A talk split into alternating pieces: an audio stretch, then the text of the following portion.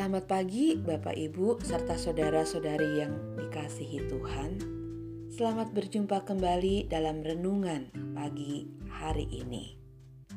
Renungan kita hari ini diambil dari Imamat pasal yang ketiga. Mari kita memulainya dengan berdoa. Kami bersyukur untuk pagi hari yang Tuhan berikan kepada kami. Kami bersyukur untuk anugerah-Mu yang boleh beserta kami di sepanjang istirahat kami tadi malam. Dan kami bersyukur untuk pagi hari ini, untuk firman-Mu yang siap menyapa setiap kami. Kami mohon Tuhan menuntun dan membimbing kami di dalam nama Tuhan kami, Yesus Kristus. Amin. Saudara, pada dasarnya, tidak mungkin kita manusia berdosa dapat mendekat kepada Allah yang Maha Kudus dan tetap dapat hidup. Hanya anugerah dan kemurahan Tuhan yang memungkinkan manusia berdosa dapat datang mendekat kepadanya. Dalam kitab Imamat, kita menjumpai Bagaimana anugerah dan kemurahan Allah itu kemudian membuat Allah memberikan ketetapan-ketetapan dan peraturan-peraturan yang memungkinkan bagi kita manusia yang berdosa ini bisa datang ke hadapan Allah yang Maha Kudus dan kita bisa tetap hidup. Dalam Imamat pasal yang ketiga, secara khusus kita melihat Bagaimana firman Tuhan menyatakan umat dapat datang kepadanya dan tetap hidup, yaitu dengan membawa dan mempersembahkan korban keselamatan.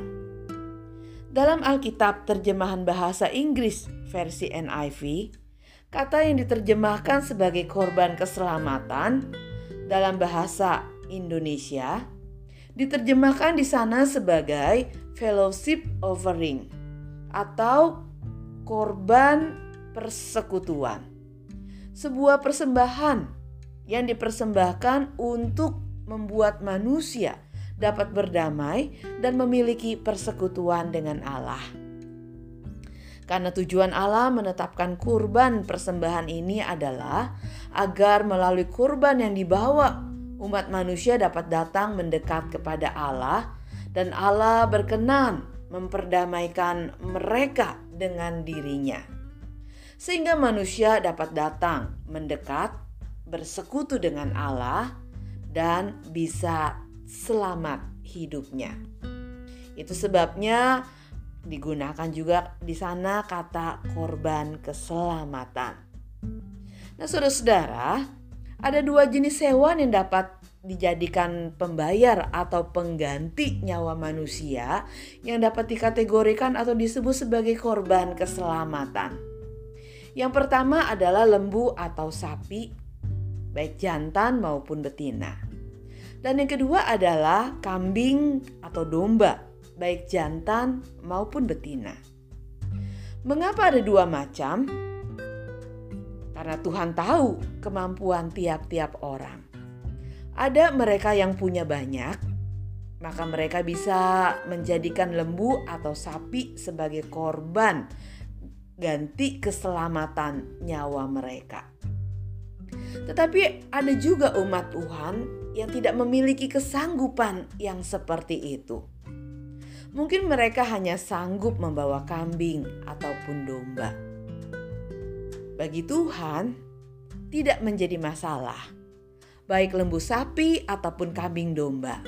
Semuanya dapat diterima oleh Tuhan sebagai pengganti nyawa manusia.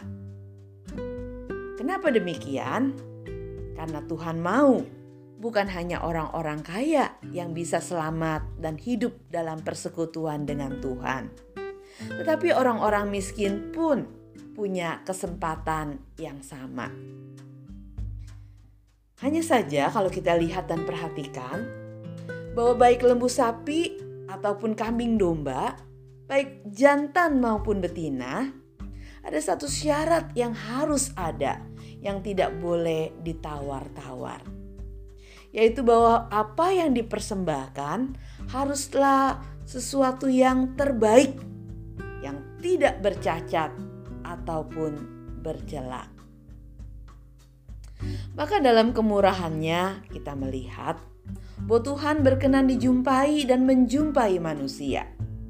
Tetapi kemurahan itu bukan barang yang murahan. Tidak masalah apakah umat bisa membawa kambing domba atau lembu sapi. Tetapi yang paling penting, umat harus tahu untuk membawa dan memberikan yang terbaik kepada Tuhan umat diharapkan dapat menyambut anugerah dan kemurahan Allah dengan kesediaan untuk mempersembahkan yang terbaik dari apa yang ada padanya. Apa yang paling diingini oleh dirinya sendiri, apa yang paling disayangi yang ada padanya. Tuhan menginginkan yang terbaik. Bapak, ibu, serta saudara sekalian, saat ini kita hidup dalam zaman anugerah yang bisa dibilang berbeda dengan dalam perjanjian lama. Allah tidak lagi meminta kita untuk membawa lembu sapi atau kambing domba sebagai korban keselamatan untuk pengganti nyawa kita jika kita ingin mendekat kepada Allah. Karena Allah sudah menyediakan korban yang sempurna dalam Kristus Yesus Tuhan kita satu kali untuk selamanya. Tetapi kita dipanggil untuk merespon anugerah Allah ini dengan panggilan yang sama, yaitu panggilan untuk memberikan yang terbaik dan yang tak bercela dari apa yang ada pada kita. Bukan hanya harta kita, tetapi lebih dari itu, kita juga dipanggil untuk mempersembahkan seluruh hidup kita sebagai persembahan yang hidup, yang kudus, dan yang berkenan kepada Allah. Sekalipun kita hidup dalam anugerah yang berbeda, tapi kita dituntut untuk melakukan hal yang sama, memberikan yang terbaik kepada Tuhan yang Maha Pemurah, yang sudah memberikan anugerah yang terbaik bagi setiap kita. Oleh karena itu, mari kita persembahkan tubuh kita sebagai persembahan yang hidup, yang kudus, dan yang berkenan kepada Allah. Kiranya Tuhan menolong kita untuk mempersembahkan persembahan yang harum di hadapan Dia hari ini dan seterusnya. Amin.